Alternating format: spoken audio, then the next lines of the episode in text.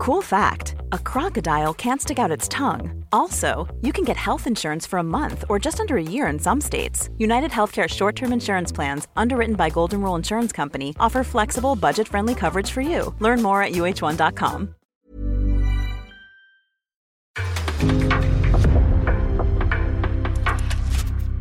En podcast från Aftonbladet.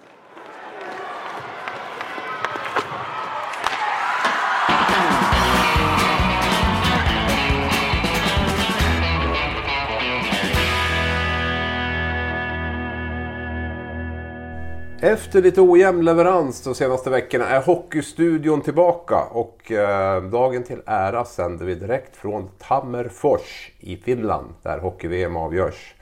Thomas Ros är inte med oss idag.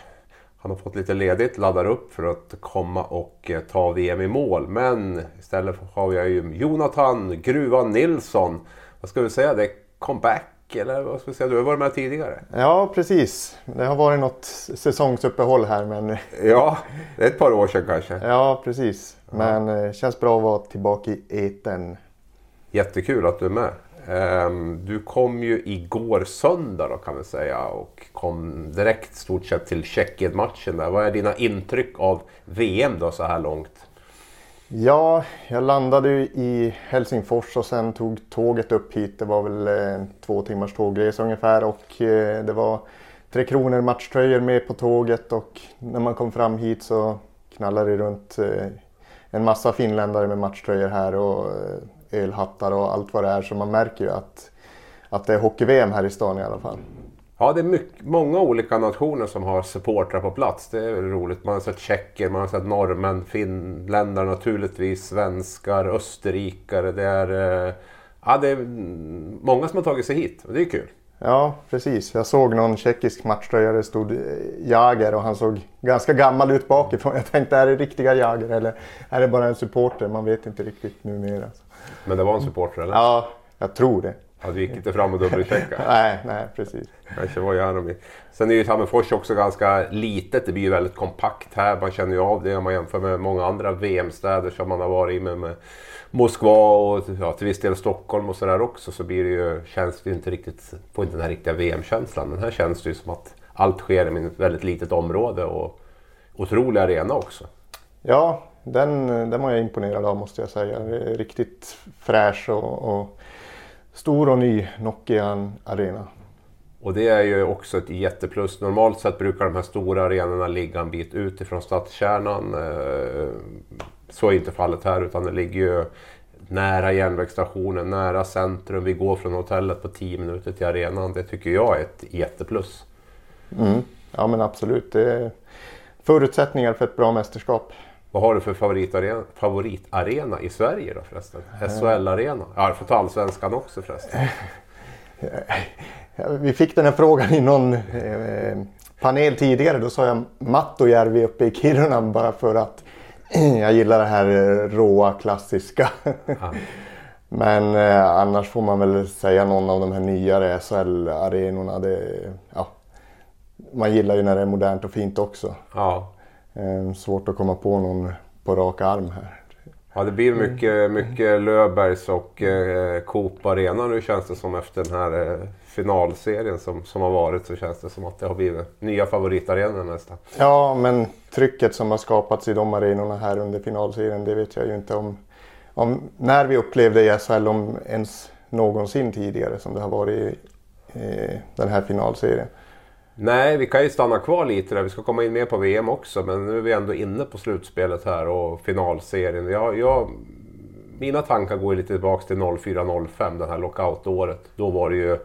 Alltså dels var det så otroligt mycket bra spelare här och det skapade ju också ett enormt intresse och ett enormt tryck i, eh, i slutspelet också under hela grundserien. Det är väl... Ja, Sen det är klart det finns ju många. Jag vet 2010 där också när Djurgården-HV möttes i finalen. Det var ju också ett grymt slutspel. Med, och sådär. Men, men det är klart att det här hamnar ju högt upp. Uh, vad är dina intryck då från...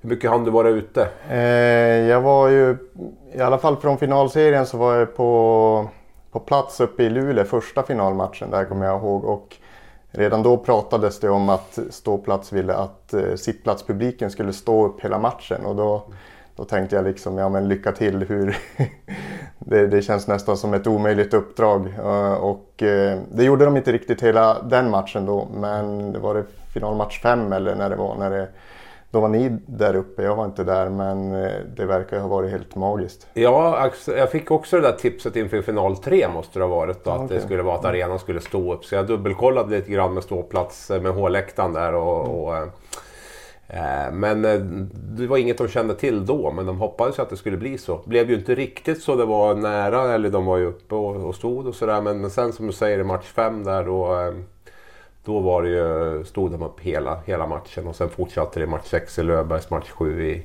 i, ehm, i Luleå igen då med det här. Och det är ju det är ett nytt fenomen som vi inte riktigt upplevt tidigare. Och det är kul, alltså vi satt ju för ett år sedan och sa kommer det komma publik tillbaks till matcherna? Kommer, har vi ändrat våra mönster, hur, hur, vi, hur vi lever. Kommer folk sitta hemma och kolla på TV istället? Och så kommer det här svaret nu under slutspelet. Det måste ju kännas ganska skönt för klubbarna kan jag tänka mig. Ja, verkligen. Behövde du använda öronproppar förresten? Eller? Nej, jag gör ju inte det. Men man kanske skulle börja och, och göra det. Jag pratade faktiskt med kollega Ros om det där. Han, sitter, han har ju pluggat i sån här, någon sån här, jag vet inte vad det är. Det är någon sån här typ, jag vet inte om det är här freestyle, eller vad heter det? eller så här airpods eller någonting. Men fast de är, ganska, de är stora liksom. Stora runda som såna här femkronor. Som man trycker i så man får knappt kontakt med längre.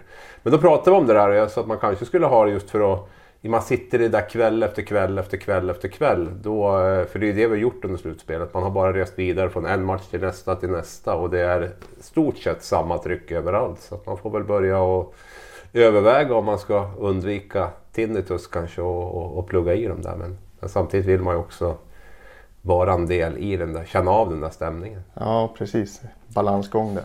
Är det här det nya normala nu då, eller vad tror du?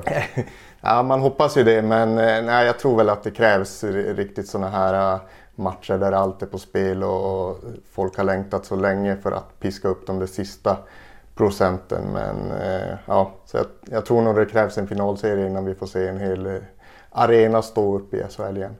Jag hoppas ju på någon lördagsmatch eller något sånt här kanske. Typ Färjestad-Frölunda eller, eller Luleå-Skellefteå i mitt i serielunken så hoppas man att det här kommer, kommer tillbaka. Men, men visst, jag, eh, den, eh, den kan nog vara svår att, att få till kanske i grundserien. Men, men eh, jag hoppas på det. Varför vann Färjestad till slut? Eh, ja, här är väl klyschan att små marginaler. Det hade kunnat gå åt vilket håll som helst. Sen att det ändå är Färjestad som vinner. Alltså Luleå har, har i stort sett varit obesegrade i sin hemmaborg förutom första matchen där i slutspelet. Men att Färjestad vinner när det verkligen behövs som mest är ju... Det är en klubb med vinnartradition. Jag vet, det har varit aktuellt med Real Madrid i Champions League här i fotbollen tidigare i, i vår. Att de har eh, legat i hopplösa underlägen men krånglat sig vidare i slutspelet och det är ingen slump att det är just sådana klubbar som hittar en väg att vinna. Eh, det sitter i väggarna får man väl säga. Mm. Och sen, eh, sen har ju stjärnspelarna klivit upp och levererat och Per Åslund har ju varit hur bra som helst i det här slutspelet tycker jag. Hade du han som MVP? Eh, jag lämnade faktiskt inte in några röster till det där men ja, eh, om Färjestad, det, det är så lätt att säga. Hade, hade Luleå vunnit ja. så hade Linus Omark varit MVP. Men nu, ja, nu är Per Åslund min MVP också. Du kommer ju från Norrbotten, Gällivare från, från början. Då där. Alltså det här, den här förbannelsen då. Luleå har inte vunnit sedan 96. Man har varit i tre finaler nu och, och, och sådär. Då.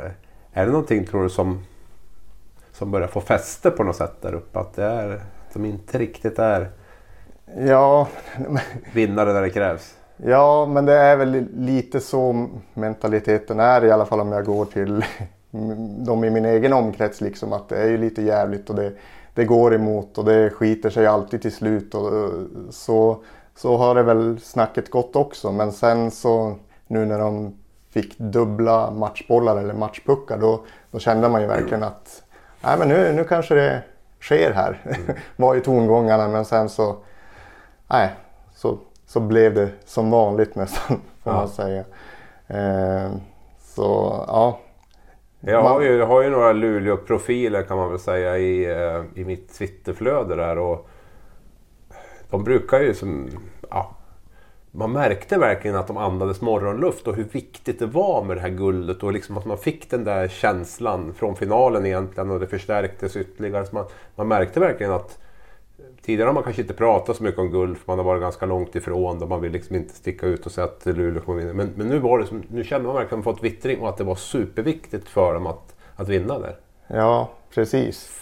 För självkänslan och för hela länet och landskapet och allt vad det är. Ja, men absolut. Och det kändes ju som att det var hela Norrbotten som slöt upp bakom det här laget. Men eh, det gick inte vägen den här gången och SHL är ju en så pass jämn och tät liga också så det jag tror smärtar mycket är ju dessutom att när, när kommer man vara så här nära igen? De har ju alla möjligheter nästa säsong också och säsongen därpå med tanke på hur, hur lagbyggena ser ut. Men nålsögat att verkligen vinna, det är inget man kan ta för givet att man ska vara så nära. Nej, det är verkligen så otroligt mycket som ska, som ska klaffa för att, för att man ska gå hela vägen. Med allt från formtoppar till skador till eh, stolpträffar och, och, allt vad det är för någonting. Så det är eh, mäktigt också Färjestad som slår ut tabell 1, tabell 2, tabell 3. Den är, den är svårslagen. Ja, precis. Och eh, jag vet inte när, om ens det har hänt. Kan inte ha hänt. Nej. Eh, och då får man väl säga att det är absolut värdiga mästare som, mm. som slår ut de bästa på vägen fram till guldet också. Ja. Ja, jag högg i nu, det kanske har hänt. HV kanske gjorde det när de vann. Det är jag, svårt att se det. Ja, jag tror jag kollade upp det faktiskt. Ja, för att jag var nyfiken. än vad jag är. Precis, det är bra. Men det var, det var i alla fall inte de trean, tvåan, ettan som behövdes. Nej, det känns ut. som en svår kombo att nå. Vilka mm. vinner SM-guld nästa år? Eh, oj, det här är en 10 000 kronors frågan här. Ja, det vet du jag har det med ros. ja. Jag brukar få dem där ibland. Ja. Så att, eh, skönt att sitta och leverera dem nu medan du får sitta och fundera lite grann. Ja. Ehm. Ja, men jag säger Luleå ändå. Om Linus Omark stannar, ja. då, då tar de revansch. Och jag har ingen aning. Något säger ju att Rögle kommer att nå dit till slut. Sen kommer det bli en väldigt speciell säsong. Eh, med tanke på att vi vet ju inte riktigt hur... Normalt sett vet man ungefär hur bra lagen kommer att bli. Var ribban ligger för toppspelarna. Så, så känns det som att vi inte riktigt... Det har ju öppnats en helt ny marknad nu med det här med, med KL-spelare som har blivit, blivit tillgängliga. Jag menar, Brynäs plockar in tre man från Jokerit. Liksom. Det är ju bara för att ta ett exempel. Det hade vi ju inte sett för, för eh, ett år sedan. Att man bara plockar KL-spelare på, på löpande band liksom, som inte har något jobb. Så att jag... Eh, vi måste vänta och se. Eh, men jag, eh, jag, jag, säger väl Rögle då på, med pistol mot tinningen. Mm. Rögle eller Luleå? Ja. Men sen då det svåraste av allt. Vilka två lag tror vi får kvala? Ja, det är ju ännu svårare. Måste vi tippa det egentligen? Vi vet inte hur lagen ser ut, vi ser Nej. ingenting. Men det är klart, någonting får vi väl ändå... Men jag vet faktiskt inte. Jag, jag är jättesplittrad. Nej, det... Jag vet inte om man vill peka, men jag har ju tippat Oskarshamn som jumbo nu två säsonger i rad och det, det, ligger väl närmast till hands nu också men eh, det, nej, det är så himla svårt med tanke på spelarna som har blivit tillgängliga och att Oskarshamn år efter år handlar från en av de lägre hyllorna på transfermarknaden kan man säga men ändå lyckas få ihop det och hittar spelare som tar kliv. Så ja, jag vet inte. Nej, vi får nog återkomma. Det känns lite oseriöst också att tippa nu innan. Jag var faktiskt, när jag var nere i Oskarshamn där när de mötte Rögle i, i kvartsfinal så var jag på en träning dagen efter i Oskarshamn där och då stod jag och pratade med Martin Filander som alltid är väldigt tillgänglig och trevlig och säger bra, framförallt säger han bra saker. Men jag frågade Martin hur han... Jag är lite kluven sa jag Martin, jag vet inte riktigt hur jag ska göra. Jag har ju tippat det sist två år i rad nu, eller i alla fall på kval. Sist har jag inte tippat men på kvalplats. Hur, hur, tycker du att jag ska göra till nästa år? För jag känner ju att jag kanske vill lyfta upp er nu, men kör oss sist sa han. Kör oss sist sa han bara. Vi, vi, vi gillar att vara där. Så att, ähm, Sen vet inte, jag nästan lovade honom att tippa dem på kval tror jag. För att eh, börjar jag och tippa att Oskarshamn ska klara sig kvar nu. Då kommer de nog att få kval. Så att, eh, ja, nej, det, blir, det blir något att fundera på över sommaren. Men det är kul att vi, att vi har lite grann och eh, klura på det. Har du fastnat för någon häftig värvning så här långt? Då i eh, ja, det är väl eh, ja, Timrås eh, trippel trippelvärvningar där är ju Anton Lander tror jag kommer betyda väldigt mycket. Sen tror jag om vi går åt andra hållet att eh, Tyretti lämnar Timrå för eh, Linköping. Eh, det ska bli spännande att se. För han imponerades jag väldigt mycket av förra säsongen. Tror du han blir en flipp i Linköping? Det tror jag. Mm. Det tror jag. Det kommer nog bli en 20-25 mål därifrån. A lot can happen in the next three years. Like a chatbot may be your new best friend. But what won't change? Needing health insurance. United Healthcare Tri Term Medical Plans are available for these changing times. Underwritten by Golden Rule Insurance Company, they offer budget friendly, flexible coverage for people who are in between jobs or missed open enrollment. The plans last nearly three years in some states, with access to a nationwide network of doctors and hospitals. So, for whatever tomorrow brings, United Healthcare Tri Term Medical Plans may be for you. Learn more at uh1.com.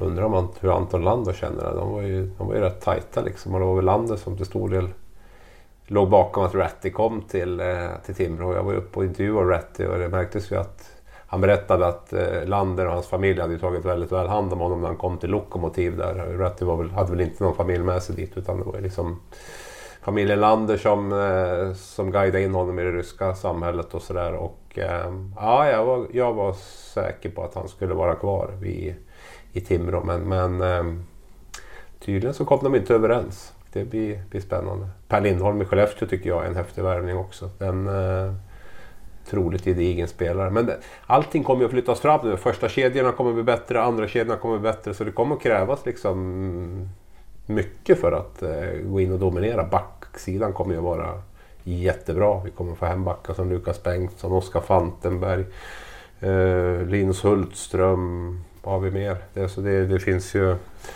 hur många som helst med KL KL-backar som eh, även tjeckiska och finländska KL-backar kommer. Så att det kommer att vara en, en rejäl upphöjning av kvaliteten och det är ju, känns ju jättekul. För ska vi vara ärlig så har det ju sen KLs inträde så har ju fler och fler toppspelare försvunnit även om de kommer tillbaka lite. Plus att vi har exporterat enormt mycket spelare till, till NHL. Mm. Du som har varit med ett tag, är det här, kan det bli den hetaste säsongen sen lockout-säsongen där 04-05? Ja men det känns ju så. Alltså jag, jag, jag har ju nämnt den. Det, vi hade väl en lockout till efter det som var lite kortare. Så här, men 04-05 var ju en hel säsong.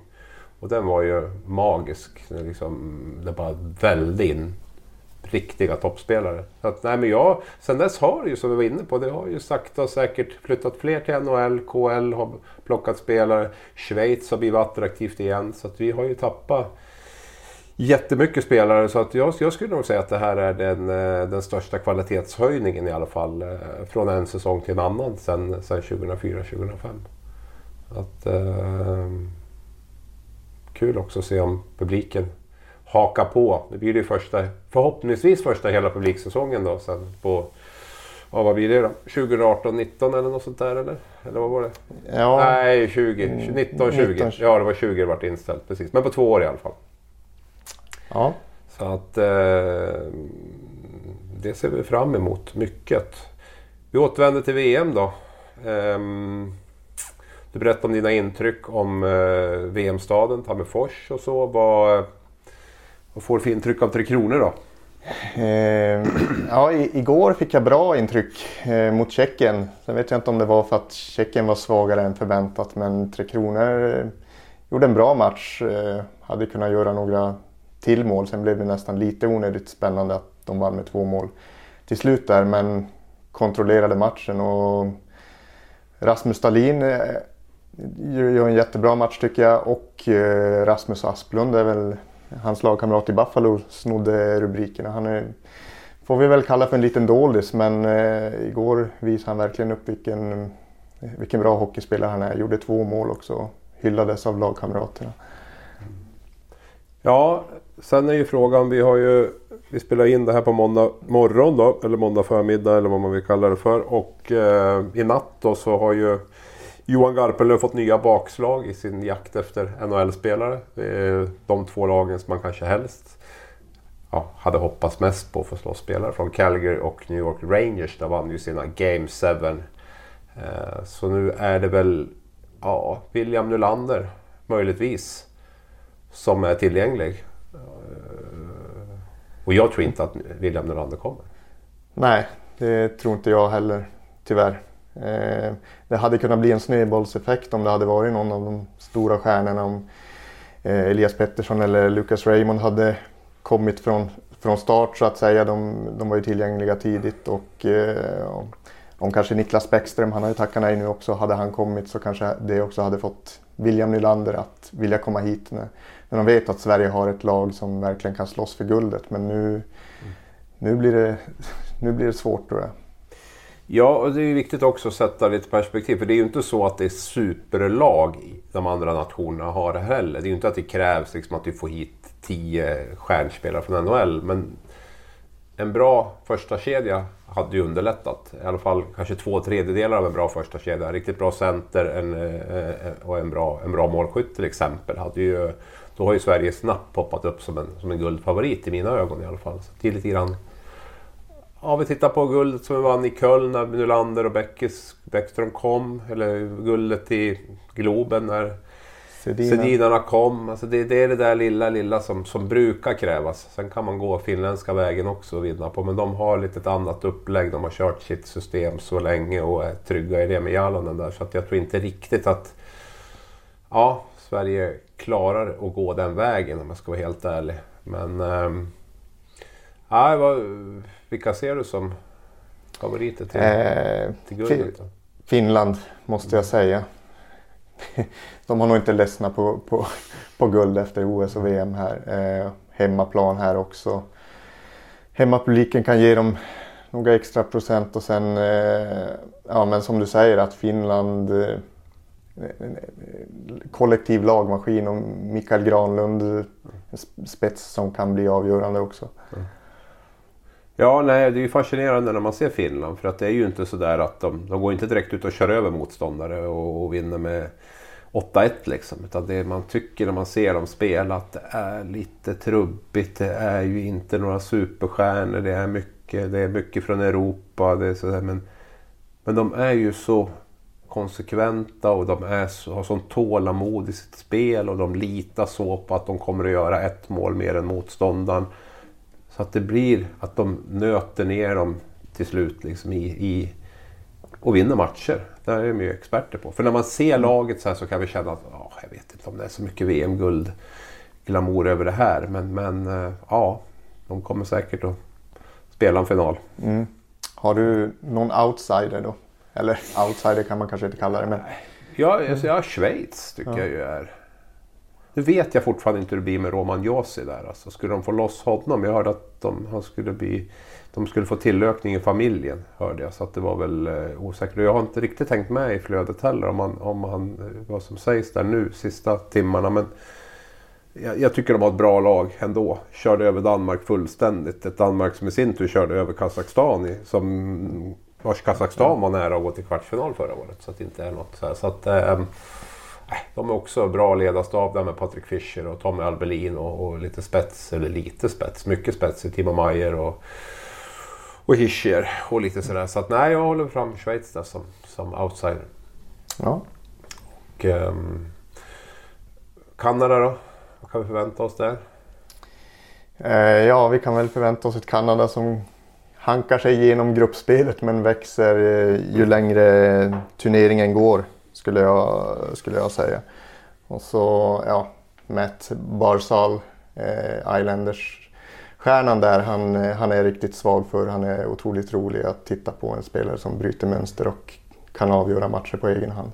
Vad gjorde han rookie-säsongen? 85 poäng eller något sånt där tror jag. Ja, säkert. Ja. Sen har ja. väl... Eh, vad jag förstått så kanadensarna ut och äter gott. Mycket i Helsingfors här under gruppspelet och sådär. Och den, den gruppen känns ju svagare, måste vi säga, än vad, än vad den gruppen ja. i Tammerfors gör. Så att de kan ju inte undvika att bli bland de, bland de fyra bästa. Så att, eh, jag tror att de kommer att öka ytterligare ett snäpp när de, eh, när de eh, kommer in i slutspelet. Där. Så att, Kanada, Finland, Schweiz som outsider. Sverige då? Hur långt räcker det? Eh semifinal säger jag. Där, där tar det stopp. Det tar stopp där? Ja. Vad, eh, Jukka Jalonen, om vi går tillbaka till Finland, han har lämnat två platser öppna. Uh, Garpenlöv gick in med åtta platser öppna här i, i turneringen. Vad, vilken strategi föredrar du? Ja, det är lätt att vara efterklok så, så här. Det, det, åtta platser känns ju verkligen i överkant nu när vi ser hur många vi inte får loss här. Mm. Och det kan väl vara en fördel att spelare vet om att ja, men det är det här laget som ska göra det. Man kan bygga på den känslan hela vägen så att säga. Men sen, sen vet vi att det är så här VM ser ut och det kan ändras ända fram till, till slutspelet. Så jag vet inte om, om man ska dra alldeles för stora växlar ur, ur det här. Utan det, det är så spelreglerna är i ishockeyn tyvärr. Att, att eh, man, man kan få omvärdera sina tips en bit in i turneringen beroende på vilka spelare som kommer. Tror du att han, eh, Garpenlöv då, tror du att han till och med kan vänta in spelare från andra Stanley Cup-rundan? Eh, nej, det, det, tror jag inte. Jag tror att nu, nu får man nog stänga boken. Det, det, de har inte börjat ännu andra rundan. Ett lag ska åka ut i fyra raka matcher. Det, ja, det är över en vecka bort i, i bästa fall. Så jag tror nog ändå att det är bättre att, att säga att nu, nu kör vi mm. det här laget. Vi, det är lite så också, för han, han berättade ju igår att han när vi pratade om Nils Åhman och Oskar Lang så berättade Garpenlöv att han sagt Ja men om det var på sista i, under Beijer Hockey Games där när truppen var, var klar spikad så har han sagt att ja det är det här laget som jag vill spela VM med. Typ så här, va? Och sen blir det att man inte anmäler åtta av dem eh, ändå. Så blir det väl kanske för mig lite dubbla budskap gentemot spelarna. Kan jag tycka att litar han verkligen på oss? Eller, eller när det handlar om så många. Det är skillnad om det var två eller tre platser över för ordentlig spets. Men här kändes det som att han nästan ville ha in allt som gick att få. Mm. När det är så många platser lediga. Så jag vet inte vad det skapar för... Men spelare kanske skakar av sig sånt och hoppar in och kör bara sen. Och, och, och att de får ihop det. Får väl se lite grann där. Vad, hur gruppdynamiken blir. Pudas och Folin också. Eh, inte anmälda fortfarande. Två OS-backar. Det blir mm. dags att peta in dem. Mm. Ja. Kanske är, de kanske är med redan när det här, när det här avsnittet släpps. ja, precis. De kanske har... Eh, ja, det kan ju vara så. Men... Mm. Nej, men det, det, tycker jag. Och ja, vi, vi såg ju i, i OS liksom hur, hur bra de gjorde det. Tyckte jag. Speciellt också, de är ju runt ja, 30-årsåldern båda två lite över. Och, och till och med på Lima. Um, sitta på, på läktaren här i, i, um, i Tammerfors. Då. Det måste ju vara ja, inte det roligaste de har varit med om kanske. Nej, alla vill ju spela och såklart är det väl lättare att köpa den situationen om man är i tidiga 20-årsåldern. Kan jag tänka mig. Mm.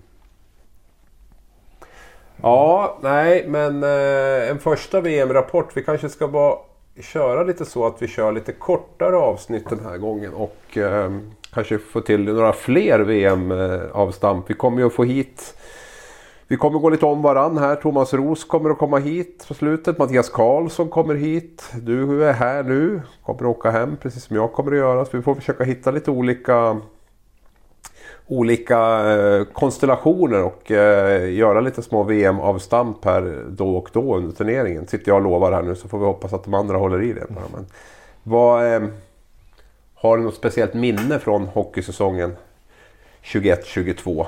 Något som etsar sig fast? Jag satt och tänkte på det, du får fundera lite grann nu. Jag satt och tänkte på det. Alltså, jag kan garantera att det här är en, har känts som den längsta säsongen någonsin. Av flera olika anledningar kanske. Men jag vet att jag satt och tittade på i mail, det är mina utkast med texter jag skrev i augusti som jag bara kände att det här måste vara två, tre år sedan jag skrev de här texterna. Men så känns det verkligen att det har varit. Jag vet inte vad det beror på, om det beror på att det varit en corona, pandemin som delade upp säsongen. Publik på hösten, ingen publik och så publik igen. Och så hade vi ett OS mitt uppe i. Som, så att jag, jag vet inte. Jag känner att den, och sen har vi ett slutspel som spelas ända in i maj. Och ett VM som nästan är in i juni. Så att det, det har nog varit en lång säsong. Ja, det jag tar med mig det måste vara kontrasterna liksom från att det börjar på hösten och det lät lovande med publikkapacitet och så vidare. Och så kommer bakslaget där mitt under säsongen, eh, drar ner på publikkapaciteten och sen avslutas det med kanske bland, bland det bästa publiktrycket vi har haft i ett eh, SM-slutspel. Och eh, plötsligt så känns det som att det var, för mig i alla fall, hur länge sedan som helst som det ekade tomt i läktarna. Det har man skakat av sig redan. Eh, turbulent. Turbulent har det varit och turbulent lär det säkert hinna bli innan det här är färdigt. Ehm, vi förbereder oss till matcher. Det är Storbritannien då, som de snyggt heter, i hockeysammanhang i morgon tisdag. Och det är då den stora höjdaren i gruppspelet på onsdag kväll. Då möter Finland, eller det är Sverige som möter Finland, i en fullsatt, garanterat fullsatt Nokia Arena. Och eh, hur går den matchen? 3-3 eh, fulltid och sen eh, vinner Finland. Det var lite så det såg ut i OS också va? Var det, inte, det var väl oavgjort här för och så ja. avgjorde Finland i, i förlängningen tror jag. De hämtade väl in det. Ledde inte Sverige 3-0 ja. eller något sånt här tror jag. Och så mm. hämtade de in och så blev det förlängning och, och avgörande. Ja. Då har ni fått ett insider-tips där hur det går. Så det är bara att eh, ringa era spelbolag, eller gör det inte det förresten. Ring inga spelbolag utan sitt och njut framför TVn utan några kuponger och grejer eller vad det är nu för tiden. Vi tackar för oss. Sköt om er.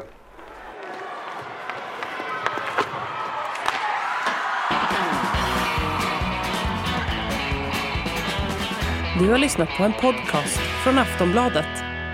Ansvarig utgivare är Lena K Samuelsson.